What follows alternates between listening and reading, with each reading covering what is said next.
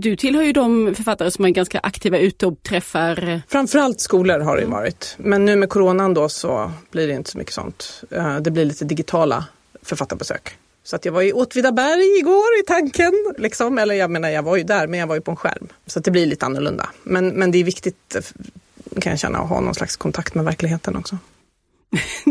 någon slags kontakt med verkligheten. Det tycker jag är en bra ambitionsnivå. ja, men jag sitter ju bara hemma och hittar på annars. Det är ja. lite, man kan ju dra sig iväg liksom.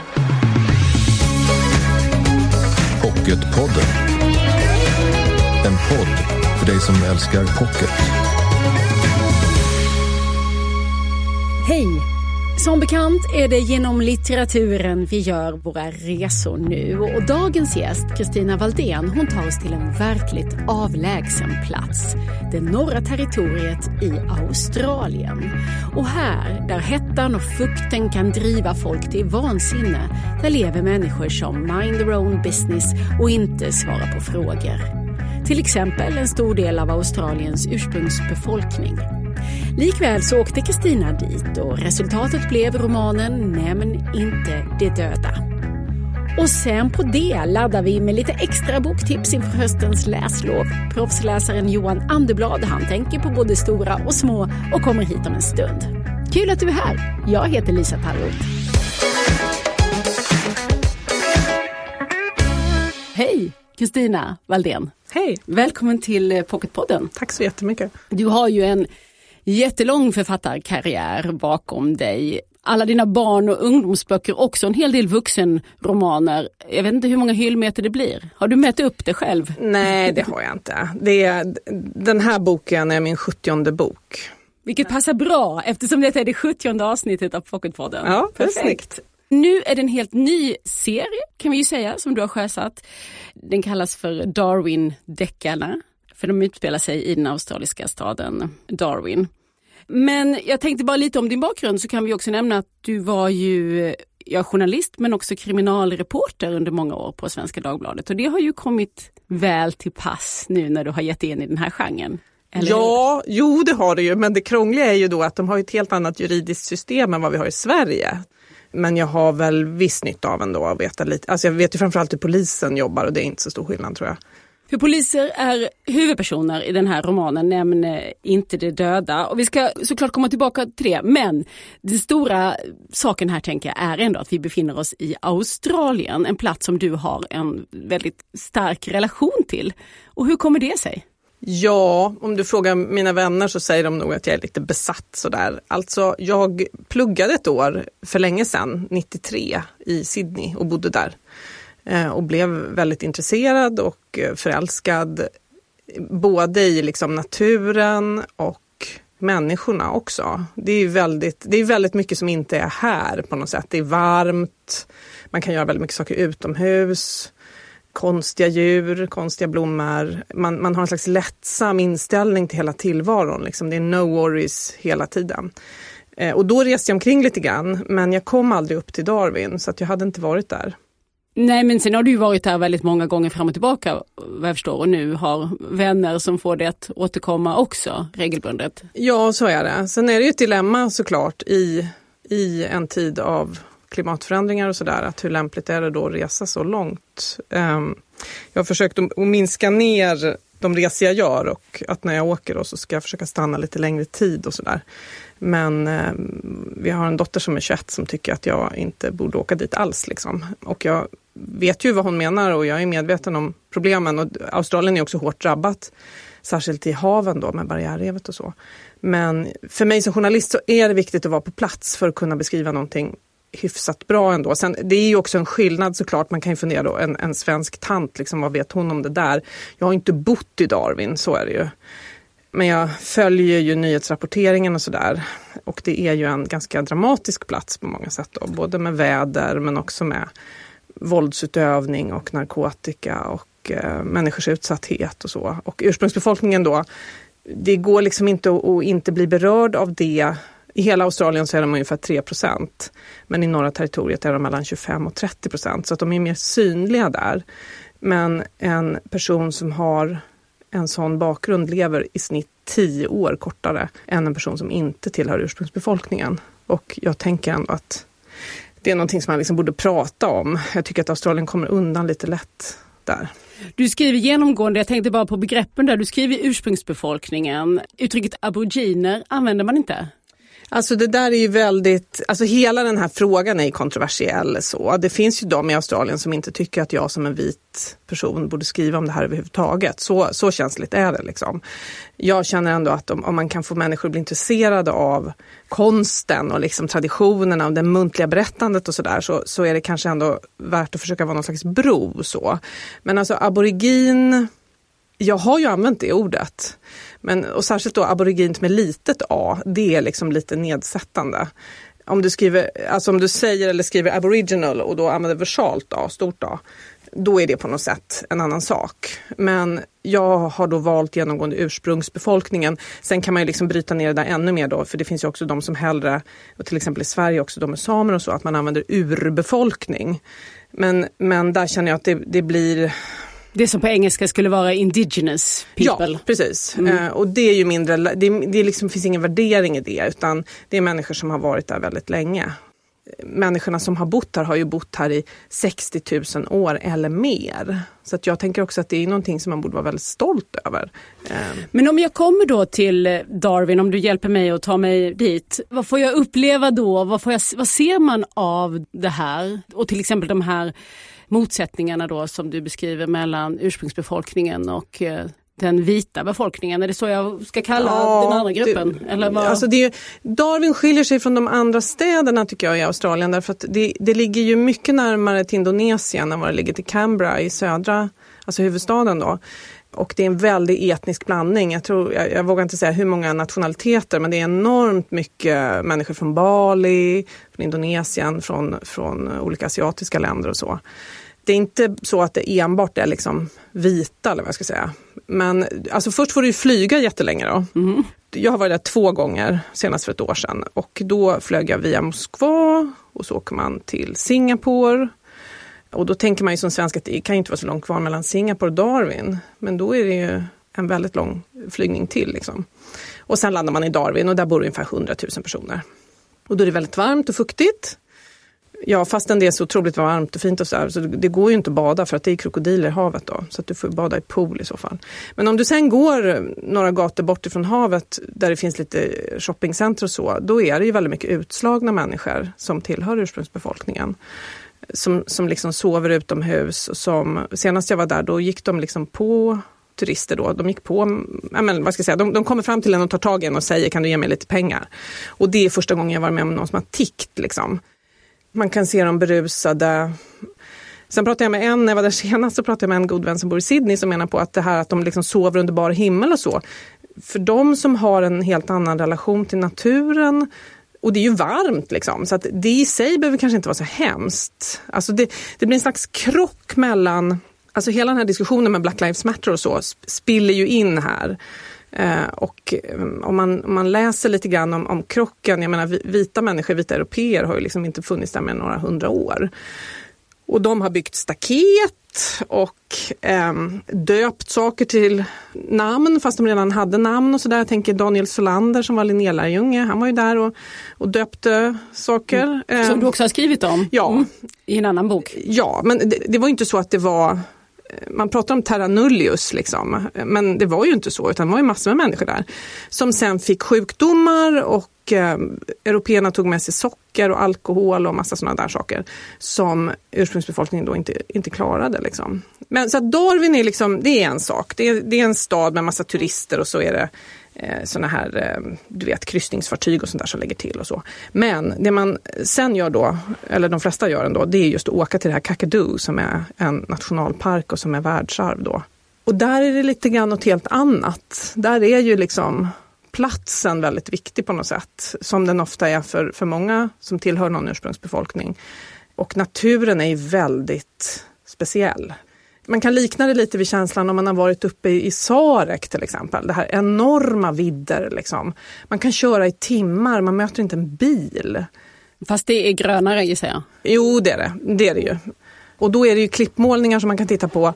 Men det är bara vissa sådana här gallerier som är öppna för turister. Vi pratar ju om tusentals gallerier som är på något sätt, man målar i de här målningarna igen och igen. Och i och med det så lever de liksom på något sätt. Så att det är bara en bråkdel som, som visas för sådana som oss. Och i den här miljön då så äger din roman rum, Nämn inte det döda. Bara för att ge en liten känsla av vad det är för, för historia så har vi ju några huvudpersoner här. Vi har ett polispar som är lite udda. Det är den store, långe, rödbrusige, rödhårige Bluey, får han som smeknamn då enligt någon slags humorlogik. Abbe-älskande dessutom, svärande och ganska bullrig typ. Han hittar en liten sån här wallaby-unge, en liten minikänguru-unge som han sen går omkring och bär på i ett örngott genom hela historien.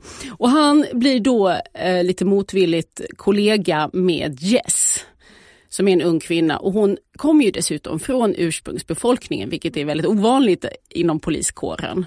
Ja, hon är, liksom, hon är en riktig polis tänker jag då. Hon är verkligen polisutbildad. Det finns ju, man försöker liksom överbrygga de här motsättningarna som ändå finns mellan polisen och ursprungsbefolkningen. Det finns en del liksom inte direkt civilanställda, men det, det, finns liksom personer med kultur, kulturell förståelse som ska liksom kunna prata med lokalbefolkningen och polisen och sådär. Men jag kände här att jag ville att hon skulle vara en riktig polis. Eh, och hon kommer då från Tiviöarna som ligger utanför Darwin.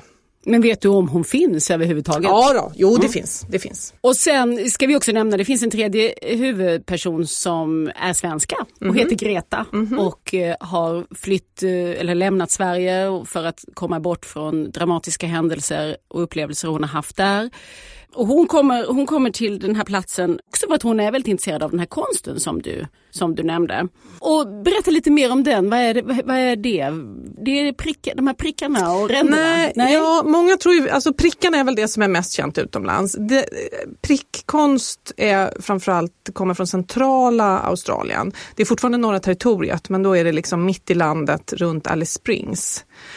Och de bilderna kan man läsa som en slags kartor eller vad jag ska säga. Det är som en topografi. Man kan se var det är vattenhål, man kan se var det är eld, man kan se berg och sådär, hav. Ja, där är det ju inga hav förstås, men man, man, kan liksom se, det är som ett flygfoto, det är som en drönarbild av landskapet. Alltså när man har flugit över Australien så ser man plötsligt att nej, men det är det här de har målat. Liksom. Men i norr då så är det vanligare med det som kallas för röntgenstil. Och då är det liksom djur framförallt i genomskärning, så man kan se om djur har ungar i magen, man kan se vad de äter till middag och sådär.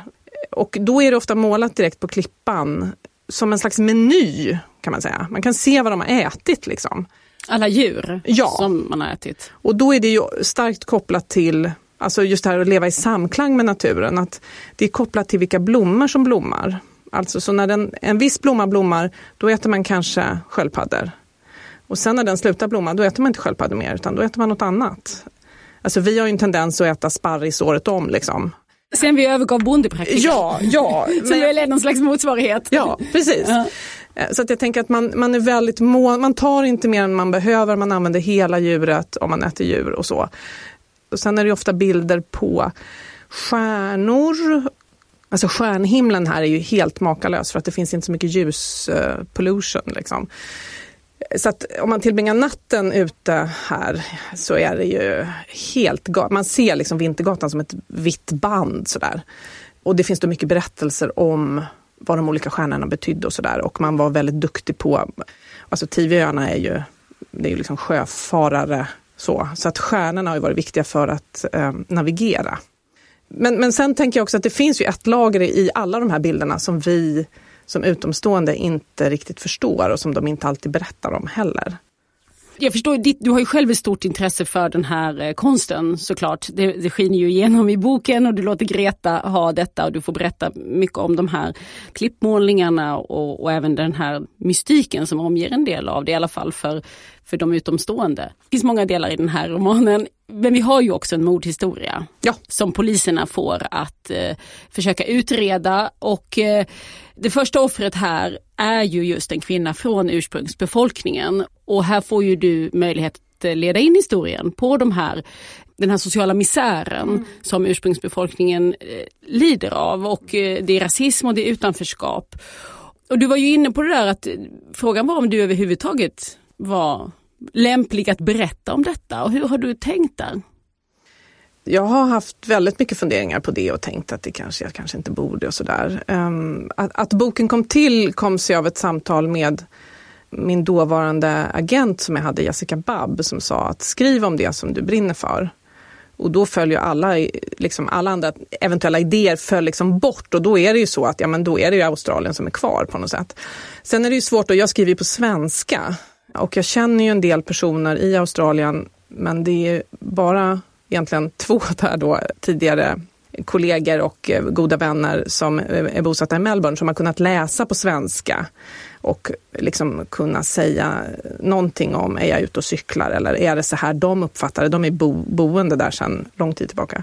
Jag har också haft eh, flera samtal med en kvinna som heter Lynette Russell som är professor i just Indigenous Studies i Melbourne. Men då är det Melbourne också, så det är inte i Darwin då.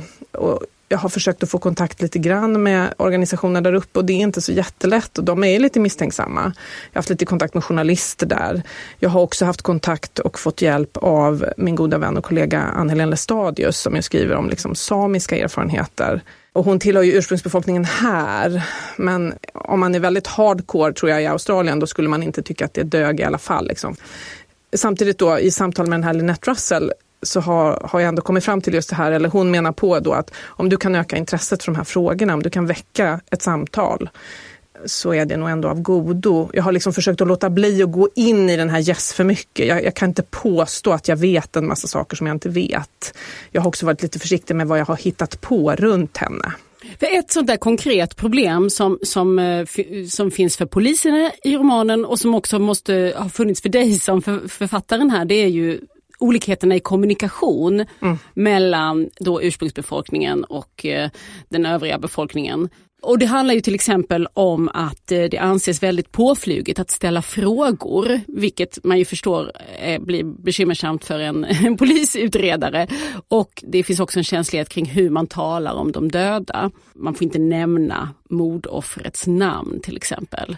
Vilket... Och det glömmer man lätt bort som författare och då får den stackars redaktören och förläggaren säga men nu står det vad han heter här, eller hon heter. Jag håller på att skriva en fortsättning nu och där är det verkligen så här, nej men nu har du skrivit igen. Mm. Och det är väldigt svårt att skilja polisarbetet där man inte, alltså i en mordutredning tänker jag, då måste man ju ställa frågor. Så att jag har försökt att komma runt det då genom att hon, liksom, hon ber om ursäkt och ibland då så måste hon ändå ställa frågor. En grej som är väldigt påtaglig när man är där som besökare också, det är att det anses som otroligt oartigt att titta folk i ögonen som man inte känner. Så att som turist eller som europé så kan man känna att nej men alla bara tittar bort hela tiden. Och, och, för oss är det ju viktigt att man på något sätt bekräftar en person.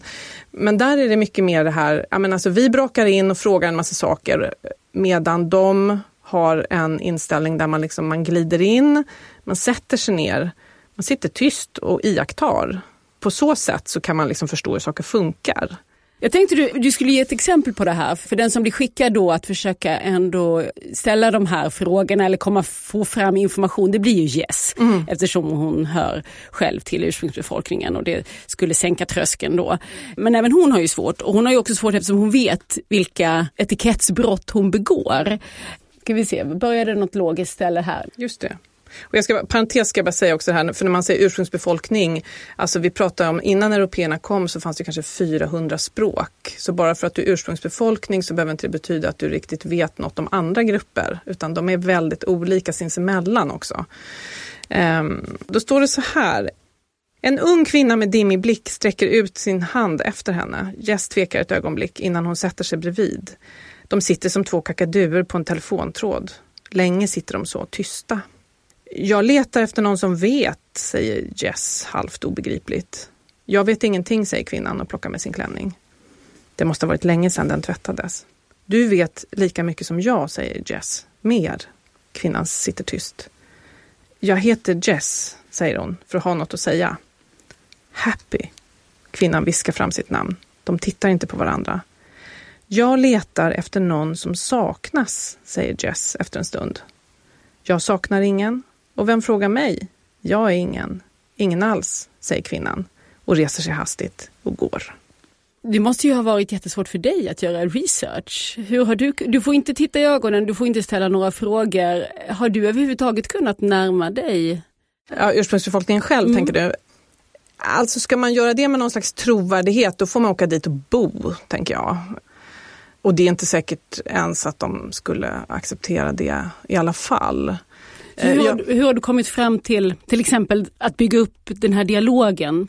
Jo men alltså jag vet ju vissa saker. Det finns ju en del böcker skrivet om detta. Och när jag besökte Kakadu då var det ju så att på flera ställen då så det sitter liksom stora informationstavlor och sen så är det namn på olika personer som har varit viktiga. Ja, men äldre personer som är viktiga. Och då är en del fotografier borta. Och då är det ju kopplat till att då är de avlidna och då visar man inte bild och eh, då säger man inte heller det här namnet. Och det där är en otroligt komplicerad historia egentligen som jag nog inte riktigt ens fattar helt heller. Men då är det så att man kan liksom, när någon avlider så kan man få eh, liksom ett annat namn som man kan säga. Men också personer som har samma namn eller liknande namn som den som har avlidit, de namnen kan man inte heller säga. Och det är kopplat till det som kallas för sorry business, där man liksom, hur man sörjer och man målar sig med ofta olika ockrafärger då och, och eh, det kan vara ganska våldsamt där man liksom gör sig själv illa, de sörjande gör sig själv illa. Men det där kan också framställas, tänker jag, som, jag vill liksom, det där har inte jag velat gå in i för jag tänker att det kan, då kan det framstå som att de är väldigt avvikande eller så. Eh, och jag tänker att det där vet jag alldeles för lite om. Så jag, jag, kan liksom, jag kan antyda vissa saker. Jag tänker att jag väl i stor del har jobbat liksom journalistiskt här. Och vad innebär det då för dig? Ja men att man läser allt man kommer över, man åker dit och tittar. Man, man, jag går ju runt där i centrum och tittar på vad jag ser för människor. Jag noterar när någon kommer fram till mig och pratar och sådär lite som Greta då, så där, man, om man liksom öppnar upp och lyssnar så, så kan människor börja berätta då. Jag, minns just en kvinna som är lite lätt återgiven i boken här som berättade om att hennes mamma då blev flyttad över 30 mil när hon var 10 år till de här Tiviöarna där det fanns en missionsstation. Eh, och hon kunde då inte prata engelska alls. Det kallas för stolen generations. Man, man tog så sent som på 70-talet barn för att de skulle liksom ja, men bli europeer på något konstigt sätt. Ja, det fanns någon idé om att deras föräldrar klarade inte av att ta hand om dem själva. Nej, och samtidigt så, de som bodde, alltså det är också det här att det är ett så väldigt avlägset land, att vita människor kunde ju göra i princip vad de ville med folk som jobbade på deras gård, eller jag tänker mycket sexuella övergrepp med unga kvinnor och så. Du tänker att världen inte förstod vad som pågick eller du menar att den australiensiska regeringen förstod inte vad som pågick? Eller? Ja, jag på säga, det, är, det är samma sak kanske. Nej men alltså även idag finns det ju en väldig ovillighet att prata om det här. Efter att jag hade skrivit den där boken, alltså för ett år sedan, då var jag tillbaka och var liksom i ett område som är ett slags reservat som heter Arnhem land och var med på en festival som heter Garmafestivalen. Ja, men det pågår under fyra, fem dygn och det är väldigt mycket samtal bland ursprungsbefolkningen men det liksom egentligen riktar sig kanske mot en vad ska vi säga, vit eller icke ursprungsbefolkningspublik då. Att det är mycket politiker, det är kulturutövare, det är musiker, det är konstnärer. Men det är människor som just som Jess här är, liksom, de är delvis in i båda systemen, de är som en bro. Liksom. Men att man kan förstå då att människor har förvägrat sitt språk. En del vet inte om Alltså om ens mamma blev flyttad och så vet man inte vart man hör och så försöker man återknyta till det, den folkgruppen och så vill inte de veta av en för att man kan inte tala det språket längre. Och så där. så att det här har liksom slagit sönder generationer och, och, efterverkningarna finns också idag, liksom, att vem ska få kalla sig ursprungsbefolkning och så. Just det där påminner ju om, jag hade ju Anna Takkanen precis här i eh, podden som pratade om de finska krigsbarnen. Det ja. finns ju vissa likheter i det där att förlora språket och kontakten med sitt ursprung redan som liten. Men du, jag tänkte på bara, för du rör dig ju här mellan journalisten och författarens perspektiv och, och eh, det verkar ändå som att du är, har varit rätt upptagen med den här frågan om det här är okej okay för dig att skriva. Samtidigt som du har gått journalistiskt tillväga. Och är det inte alltid så journalister jobbar, att man åker ut och ser och registrerar och pratar med folk och därefter får man berätta? Jo, så är det ju. Samtidigt så tänker jag att en, en bra journalist tycker jag ska väl ha någon slags självkritik också, ha lite ångest över att har man fattat rätt? Liksom. Jag tänker, jag har gjort två resor till Kongo när jag var där i tio dagar i stöten. Vad är det egentligen man uppfattar? Liksom? Jag har varit i Afghanistan i tio dagar. Är det jag ser, är det typiskt? Liksom? Man vet inte riktigt. Men här tänker jag att jag rör mig ju i Ja men Greta ligger väl ganska nära mig också, att det är på något sätt mycket sett genom hennes ögon. Men jag tänker att det är, det är viktigt att säga just att jag har inte hela bilden men åk gärna dit och titta själv eller läs gärna själv. Eller, jag tänker också en, en intressant sak med just konsten där är ju att Alltså en del framgångsrika konstnärer, kanske särskilt de här som målar prickmålningar från centrala Australien, alltså de tavlorna går ju för miljonbelopp i Europa och USA och i Japan till exempel. Det stora intresset och kanske också hjälpen för de här grupperna och uppskattningen av dem, det ligger inte så mycket i Australien som utanför tror jag ibland. Då. Att, att det finns också en slags, man kan få stöd utomlands ifrån. Att, att i Australien kan de uppfattas ibland då som besvärliga, passar inte tiden och sådär. Mm. Men jag kommer tillbaka till det där med, med författarens och journalistens perspektiv. För i slutändan är väl ändå frågan om man överhuvudtaget får lägga sin blick på någon annan.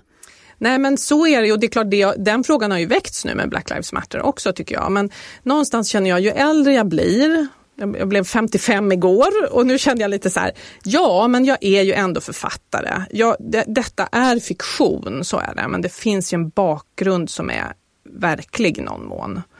Och jag är inte hela sanningen och en bok kan inte heller skildra kanske hela sanningen. Men jag tänker ändå att ja, men det här kan ändå vara en berättelse om en ung svensk konststuderande som åker dit och blir liksom fascinerad och förälskad i en plats och så. Och så vill man veta mer finns det ju andra man kan läsa. Och det, det, jag tycker det är intressant att du är så försiktig och blygsam i detta för att det, vad det är, om det är något speciellt i just den här gruppen kroppen som gör att du känner att du, ja, att du behöver ta mer höjd för?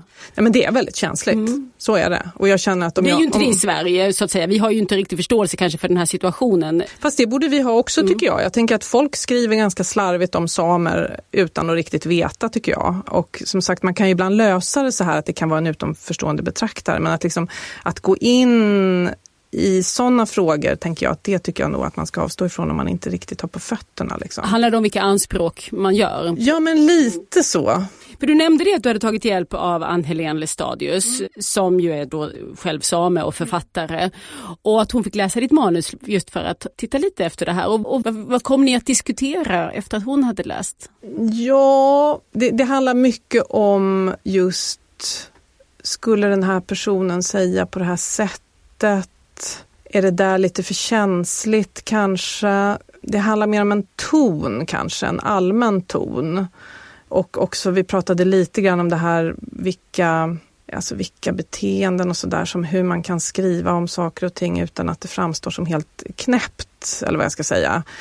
Bland ursprungsbefolkningen här till exempel så är det så då att det finns en ganska utbredd, tror jag, fast de pratar inte riktigt om det, men man talar med döda personer. Man talar högt med döda personer.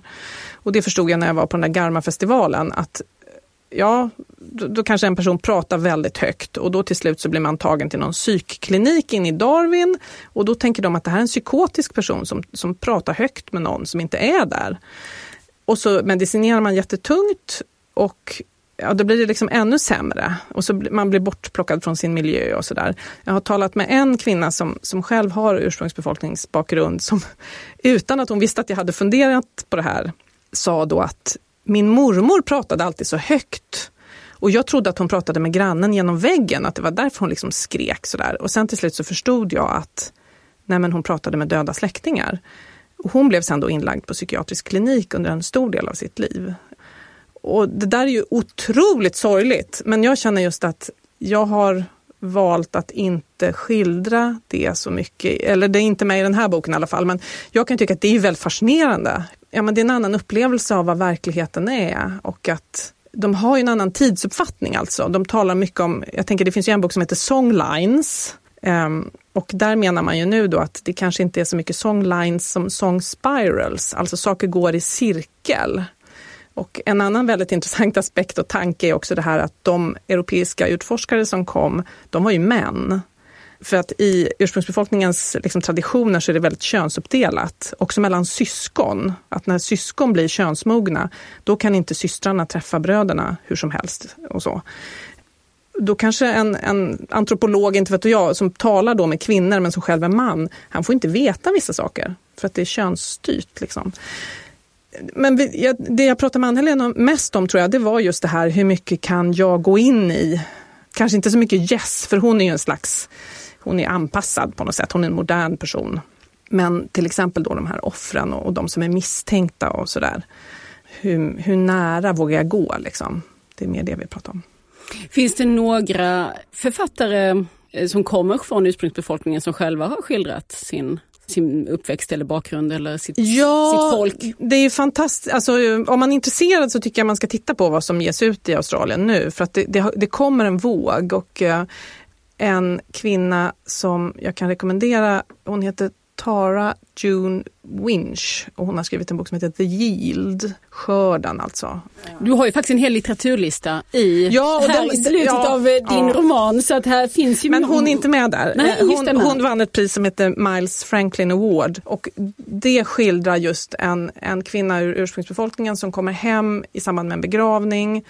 Jag tror att det är hennes morfar som har dött och han har då gjort en ordlista apropå det här med ursprungsbefolkningsord och vita ord. Ja, men till exempel just det här med staket. Staket är liksom en västerländsk tanke. Att, att för ursprungsbefolkningen så, ja men lite som med samerna alltså, man har inte staket för att djuren rör sig över stora områden. Och det finns också en slags kollektiv tanke här just att alla äger allt och naturen, vi bara lånar den. Liksom. Men, men som sagt, det, det kommer många som skriver och skriver väldigt bra. Och ett sätt att, närma sig det här ur ett svenskt perspektiv det är ju att då läsa dina böcker. Ja. Den första är detta, Nämn inte de döda. Men eh, det är en ny på gång. Du har lämnat den redan? Eh, till, eh... Ja, jag ska lämna om en vecka. Cyklonvarning heter den då.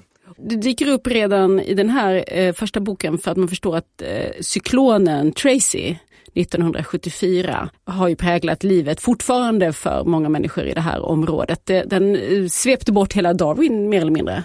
Ja, det blev faktiskt bara kaffeved kvar om man tittar på fotografier. Det var nästan 100 personer som dog och eh, det finns otroligt starka vittnesmål om hur det slog sönder stan. Det var, liksom, det var den allra första textbiten jag skrev och min tanke var att den skulle ligga i den här första boken. Men eh, min förläggare då tyckte att nej, men det där lyfter vi bort och gör nästa bok av. Liksom. Eh, så det, det, är ju också så att alltså, en bok är ett kollektivt arbete. Man får hjälp att se vad det är för material man har. Liksom.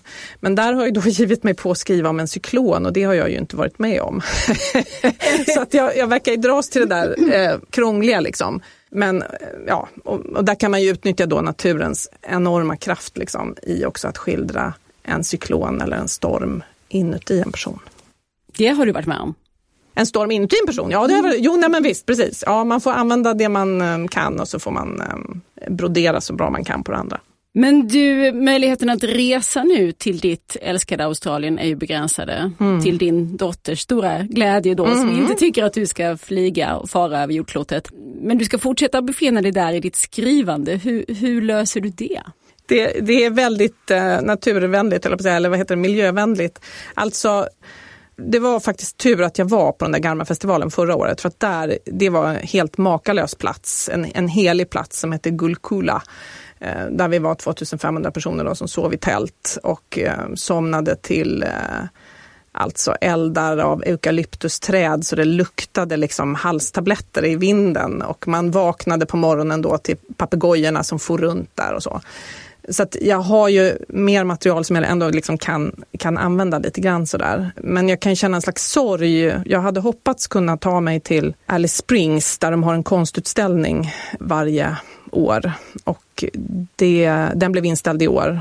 Man är ju livrädd just i norra territoriet då eftersom ursprungsbefolkningen Alltså de klarar ju ja, men vilka sjukdomar som helst egentligen, ofta sämre än andra eftersom de har sämre grundkondition. Då. Med, med, med rätta har man ju varit väldigt hård då, men jag kan känna en slags sorg över det då.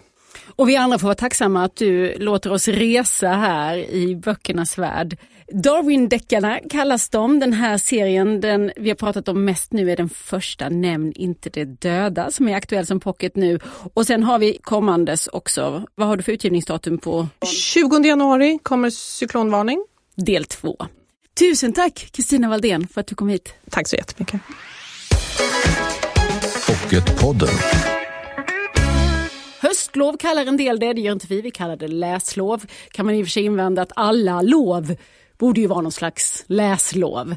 Men vi kan inte hänga upp oss på det där, för det visar sig att det här med läslov ändå har tagit lite snurr och till exempel har Johan Anderblad haft extra mycket att göra inför läslovet. Välkommen hit till Pocketpodden. Ja, men tack så mycket. Och ännu mer kommer jag ha under läslovet. För då kommer du inte bara läsa, utan också... Då kommer jag åka runt och prata om läsning, prata om böcker det här året i Dalarna blir det mest då. Och du har ju ganska nyligen gått av ditt pass som officiell läsambassadör från Kulturrådet. Men precis som att eh, alla lov är läslov så är ju säger man alltid läsambassadör hela alltid. livet. Det där var ju bara en liten start. Alltså det blir ju så, man blir ju så taggad, man förstår hur viktigt det är. Man förstår hur kul det är med läsning. Det är ju liksom, det är en slags religiös upplevelse nästan. Så jag kommer naturligtvis att fortsätta resten av livet att inspirera så mycket jag kan till läsning. Det är ju alltid aktuellt, men lite extra på tapeten har det ju varit i höst eftersom ett antal vuxna debattörer började prata om hur man ska gå tillväga för att få ungarna att läsa. Tvinga dem, föreslår en del, och andra menar att man helt ska gå på lustspåret. Vad är, vad är det du predikar när du är ute? Jag predikar lustspåret, kan jag säga, helt och hållet. Men samtidigt så måste man vara medveten om att alla barn är olika. Alltså vi måste ju anpassa oss efter barnen. En del tycker om att ha utmaningar i form av små tävlingar. Kryssa av på läsbingo. Nu har jag läst fem minuter idag. Alltså någon typ av, liksom, det är ju inte tvång, men förstår du, jag menar någonting med att det liksom, eh, du gör ungefär som någon träningsdagbok så kan du ha en läsdagbok. Medan andra gillar inte det alls. De vill bara liksom flyta in i sin tillvaro och liksom läsa av lust. Så man måste verkligen anpassa, man måste känna efter lite grann. Vad har jag för barn och hur ska jag göra med just det barnet? Mm. Och vi har nog aldrig haft så många böcker liggandes på detta lilla studiobord Nej, som just nu när du kom hit. För det är verkligen en trave för lite så alla åldrar ser ju.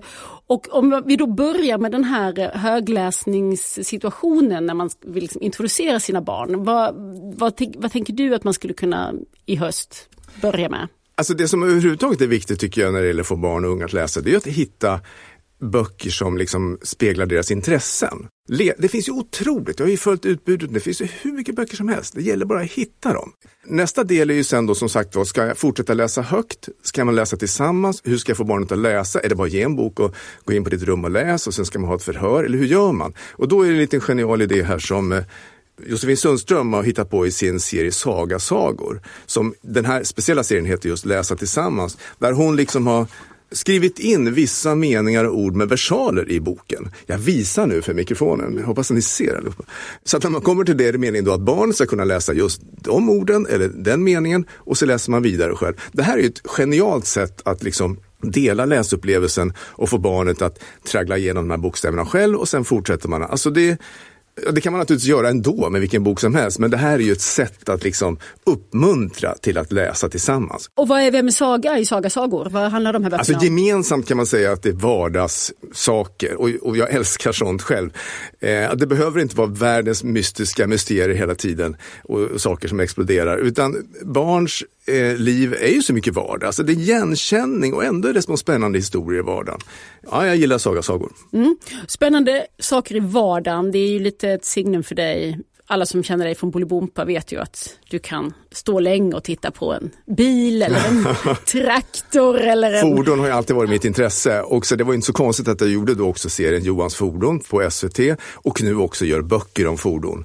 Och det har ju blivit då den här killen Bojan och alla hans fordon och hans mamma framförallt som kan allting om fordon. Det är perfekt att ha en sån mamma. Mm. Eh, så att när Bojan vill veta mer om en brandbil, ja då har ju hon varit brandman. Kan berätta allting om brandbilar. Hon har varit polisman, hon kan köra tåg, ambulans, grävmaskin blir nästa. Och återigen, det här är, handlar ju om ett intresse. När jag är ute på bibliotek och berättar om Bojan-böckerna, då får jag ofta höra också av bibliotekarierna att oj, nu kommer människor som aldrig varit här förut liksom kom en grävmaskinist in med sin, med sin son eller dotter och liksom genom intresset då hittar böcker och läsning. Ja. Och det här intresset för bilar och motorer och fordon, det är ett ganska klassiskt intresse för barn. Hur tänker du att du liksom har försökt förnya den här genren eller vad, vad är ditt bidrag tänker du? Jag älskar ju fakta och det är många barn som gör också. De vill veta hur, precis hur det ser ut, hur det funkar. Ska man ha stödben eller inte när man hissar upp stegen på brandbilen?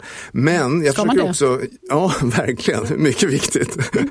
Men jag försöker också väva in en historia varje gång, eller försöker, jag gör det. Ehm, I varje historia så är det helt enkelt ett djur djur som ska räddas. Så det blir lite dramatik, det blir lite mjuka värden, det blir empati med djur. På så sätt tycker jag att de är lite bredare helt enkelt. Serien om Bojan och eh, olika fordon. Och sen i, kom det ju här nyligen en ytterst märklig bok. David Sundin, känd från uh, tv, olika former, Melodifestivalen bland annat. Ni, ni, vet vem jag menar. Ja. Mm. Han är en rolig kille, kan man säga att är hans grej. Och nu är han också rolig i bokform, för han har skrivit boken som inte ville bli läst. Det är bara en, liksom en, en, en genial idé. Jag tror att det var väldigt många av oss som håller på med böcker som när vi såg den här, varför hade inte jag kommit på det där tidigare? Alltså för det är en så enkel idé. Boken som inte ville bli läst, det är hela temat. Eh, och när man vänder upp en sida här så finns det olika sätt som boken försöker komma undan med. Den börjar plötsligt brinna och den blir för varm att ta i och så vidare. Och den är väldigt visuell, man jobbar med typsnitt. Ja, men det blir som en lek, ja, ja, eh, läslek mellan barnet och den vuxna. Ja, och samma sak där, det är ett väldigt deltagande. Det blir så, oj, vi måste blåsa ut, blåsa ut branden, nu blåser vi tillsammans. Och jag har också fått höra hur den här funkar, inte bara för små barn utan högt upp i åldrarna, bara för att den är så galen och den är så rolig. Boken som inte ville bli läst. Och vi har vuxenböcker här också, men ska vi innan vi... Eh, Får jag bara säga någonting om Sara ja, Shepard? Apropå intressen, att... fordon och grejer, så har ju hon stora intressen med eh, dinosaurier, det kan vara hajar och det kan vara, som det här senaste, mystiska platser och olösta mysterier. En fantastisk faktabok där hon liksom både berättar och ritar såklart med sina härliga, fantasifulla och eh, humoristiska bilder ska jag säga. Eh, det är ett så riktigt praktverk som man också tillsammans med sina barn kan liksom grotta in sig riktigt. Men är du en sån där eh, läsambassadör som tycker att alla böcker är bra? Om de blir lästa? Absolut, det är ju så här. Vi behöver ju läsning alla, det har vi ju förstått. För att få ett demokratiskt samhälle och kunna utnyttja vår yttrandefrihet så måste du kunna språket, du måste kunna tala, du måste kunna skriva, du måste kunna läsa. Och för att kunna de här tre sakerna så måste du helt enkelt läsa text hela tiden för att få ditt ordförråd, för att, för, för, liksom, för att lära dig språket helt enkelt. Och då spelar det inte så stor roll vad du läser, bara du läser. Sen är det klart att du kan lägga till upplevelser på olika sätt genom att ha en bok som ger mer än någon annan. Men eh, om vi ska se det fundamentala så tycker jag fortfarande att läsa, att lära sig läsa, det är absolut viktigast och då kan man läsa om en gammal 91-tidning tusen gånger hellre än ingenting. Älskar för övrigt 91 så. Ja, läste många gånger. Ja. ja. men du, eh, något för de vuxna också mm. får det bli. Och då har vi eh, en som är helt ny för hösten, Kristina Härström. Det är en författarinna som har kanske mest känd för barn och ungdomsfilmer och böcker, Glappet, eh, Ebba Didrik och så vidare. Det här är ju en bok där hon berättar, man uppfattar det som att det är en självupplevd historia helt enkelt. Ödeläggaren i titeln. Ja, ödeläggaren, tack. Ödeläggaren där hon helt enkelt har blivit sol och vårad. Och det läser man ju ofta om i tidningar och sådär. Och man tänker varje gång, gud vilken korkad människa. Hur kan hon eller han gå på det där? Det Kristina Härström beskriver här, det är, ju, det är liksom hur hon blir manipulerad av en man. Och hon skriver det så fint så att man förstår henne. Man tänker, åh, det där kanske du inte skulle ha gjort. Men ändå så är det hennes tankar som gör att man verkligen, för, för första gången tycker jag, verkligen förstår hur det här kan gå till. Det är mycket hennes tankar, men det är otroligt snyggt beskrivet alltså. Återigen, så man verkligen man verkligen är i det här gränslandet. Och sen så har vi en alldeles ny bok från Ninni Schulman som du har tagit med. Flickebarn nummer 291, berätta om den. Ja, Ninni Schulman har skrivit ett antal deckare, om det är tio eller så. Och, mm. eh, har varit gäst här hos mig i Pocketpodden. Ja, trevligt och är alltid, alltid framgångsrik med dem och så. Nu har hon gjort någonting helt annat. Hon har skrivit om sig själv, Flickebarn nummer 291 och berättar om den sjukdom som hon, en medfödd sjukdom som gjorde att hon var på sjukhus väldigt länge. Eh, och isolerad från sin familj och så vidare. Och då naturligtvis, vad har det här betytt för henne i resten av livet? Vad har det liksom satt för spår?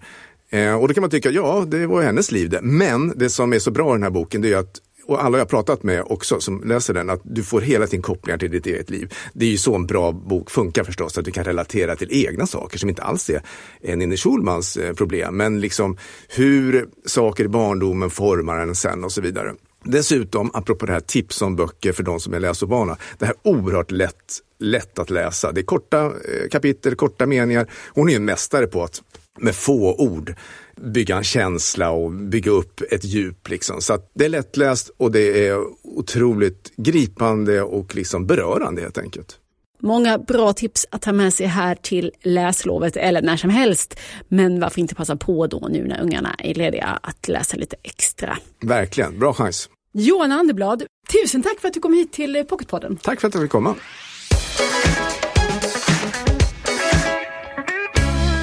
Vi rundar för idag och ser fram emot nästa vecka då Monica Fagerholm gästar podden. Hennes pocketaktuella roman Vem dödade Bambi handlar om tystnadens förintande kraft. Och själv är hon förstås allt annat än tyst. Tills dess finns vi förstås i sociala medier. Där heter vi Älska Pocket och jag heter Lisa Tarot. Hej då! Du har lyssnat på Pocketpodden. En podd från Bonnierförlagen.